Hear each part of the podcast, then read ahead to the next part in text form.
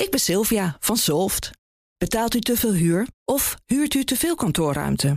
Solft heeft de oplossing. Van werkplekadvies, huuronderhandeling tot een verbouwing, wij ontzorgen u. Kijk voor al onze diensten op soft.nl.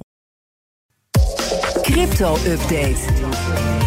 Met Herbert Blankenstein, presentator van BNR's CryptoCast... ons programma over bitcoin en andere digitale coins. Herbert, goedemorgen.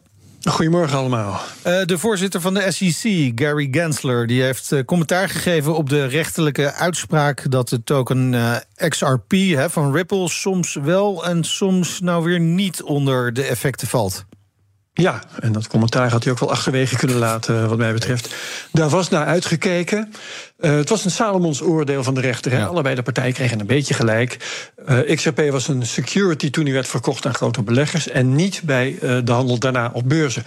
Maar er was dan vooral een ne nederlaag voor de SEC... want die verkoop aan institutionele beleggers die is voorbij. En handel op de beurzen die is er nog wel. de vraag voor de toekomst is dus Moeten cryptobeurzen zich nou registreren als effectenbeurzen? Nou, ja. mogelijk niet dus. Kans is minder geworden, dus ging de koers van Coinbase omhoog en ging de handel in XRP door het dak. Nou, deze week liet Gensler zich dan interviewen door Yahoo Finance. En de million dollar question was: hoe verandert die uitspraak jullie benadering van cryptobeurzen en hoe verandert die jullie mogelijkheden om ze aan te pakken? Okay, our approach has been the same. It's about protecting investors and in terms of uh, the decision, we're, we're still taking a look at it. We're pleased with how the courts addressed itself to uh, that, that a token for institutional investors uh, is a security. Disappointed in other aspect about retail investors, but we're still taking a, a look at that and considering it. Nou, nou ja. Uh, op de ranglijst van meest slaapverwekkende ja. antwoorden komt hij hoog voor dit jaar. Geen verandering, een beetje blij, een beetje teleurgesteld. Ze kijken er nog naar. En uh, ook zo lang nadenken over ieder woord. Um, hij kan natuurlijk niet heel veel anders zeggen, maar het valt toch. Ja.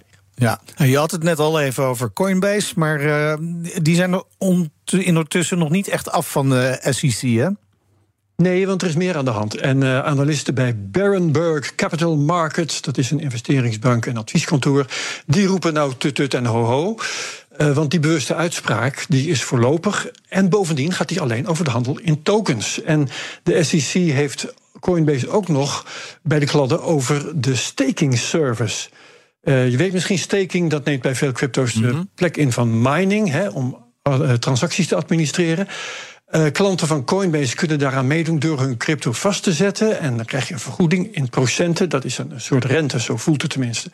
En dat valt volgens de SEC ook weer onder de effecten. En mm. Berenberg zegt dat de SEC daar waarschijnlijk gelijk in heeft. En de procedure erover loopt, dus daar horen we nog meer van. Dat is uh, dan ook okay. weer spannend. Dan uh, komen we bij een uh, presidentskandidaat. Robert F. Kennedy heeft een geweldig idee. Dekking voor de dollar met edelmetaal, zoals meer dan 50 jaar geleden maar dan ook met Bitcoin. Ja, uh, allebei de partijen hebben daar hun Bitcoin-kandidaat. de Republikeinen hebben Ron DeSantis, ja. de Democraten hebben Kennedy.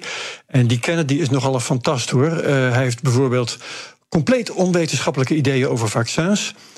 Um, en dus ook, zacht gezegd, onconventionele ideeën over de dollar. Nou, dekking met goud, dat is een idee, dat is uit de the old days, hè, mm -hmm. jaar geleden. Dat weinig economen of politici tegenwoordig meer realistisch vinden. Maar daar kun je dan nog in geloven of daar kun je naar terugverlangen. Dat is ooit gedaan. Um, dekking met bitcoin, zelfs maar voor een deel, zoals Kennedy dan, dan zegt te willen. Ja, dat is, dat is te dol, dat is absurd. Um, want iets, als, iets dat zo volatiel is als bitcoin. Ja, er kan geen dekking zijn. Dat hebben we gezien bij Terra Luna hè, vorig jaar. Daar was ook dekking met bitcoin. Toen ging de koers onderuit. Ja, dan heb je geen dekking meer. Bitcoin is ook te klein. Op dit moment zijn alle bitcoins ter wereld een kwart waard van alle dollars ter wereld. Dus dat gaat gewoon niet. Die Kennedy praat onzin. Hij gebruikt bitcoin om zich te profileren, net als de Santis trouwens. En ik hoop dat de kiezer dat doorziet. Uh, als we dan even kijken naar de, de koersen van de crypto... hebben zich dit jaar hersteld hè, van een slecht 2022. Maar de investeringen in crypto-startups, die, die zakken wel verder weg. Dat zegt een rapport van Galaxy Research. In het tweede kwartaal ging er 2,3 miljard dollar durfkapitaal naar cryptobedrijven. Dezelfde periode in 2022 was dat 8 miljard dollar. En het is voor het vijfde kwartaal op rij dat die investeringen dalen. Het rapport noemt een aantal verklaringen. De gestegen rente natuurlijk, de crypto-ellende van vorig jaar. En uh, Galaxy zegt dat een duidelijke bodem niet in zicht is. Nou, um, ik denk dat de investeringen gewoon wat achterlopen op wat er op de cryptomarkten gebeurt. De, de coins zelf die komen intussen uit het dal van de uh, bear market. En die investeringen zullen daar een paar kwartalen misschien op achterlopen. Dat komt wel goed. Nou, dan kunnen mensen natuurlijk altijd nog weer meer informatie vinden over crypto in de Cryptocast. Uh, wat zit er deze week in? Uh, de Nederlandse analist Rational Root, wel iemand met een internationale reputatie. Ja. Hij heeft 150.000 volgers op Twitter bijvoorbeeld. Uh, hij vindt zijn informatie vooral doordat hij de blockchain inspecteert en hij heeft iets ontdekt. Um, uh, die uh, ontdekking is dat de laatste drie jaar er meer bitcoins worden opgeborgen door beleggers voor de lange termijn dan erbij komen door mining. Oh. Dus de hoeveelheid die beschikbaar is voor handel neemt af, de schaarste neemt toe. Hmm. Nou ja, en je kent de wet van vraag en ja. aanbod, dus driemaal raden wat Rational Root dan denkt dat er op termijn met de prijs gebeurt. Omhoog. Altijd een voorbehoud natuurlijk, maar ja. met redacteur Daniel Mol als co-host hebben we een mooie discussie okay. daarover. Benieuwd ernaar. Dankjewel, Herbert. Alle afleveringen van de CryptoCast zijn te horen via de BNR-app, bnr.nl of een podcast-app die jij graag gebruikt. De crypto-update wordt mede mogelijk gemaakt door Bits, de Bitcoin-spaardienst van Bitonic. Ik ben Olivier van Solft. Betaalt u te veel huur of huurt u te veel kantoorruimte? Solft heeft de oplossing. Van werkplekadvies, huuronderhandeling tot de verbouwing. Wij ontzorgen u. Kijk voor al onze diensten op soft.nl.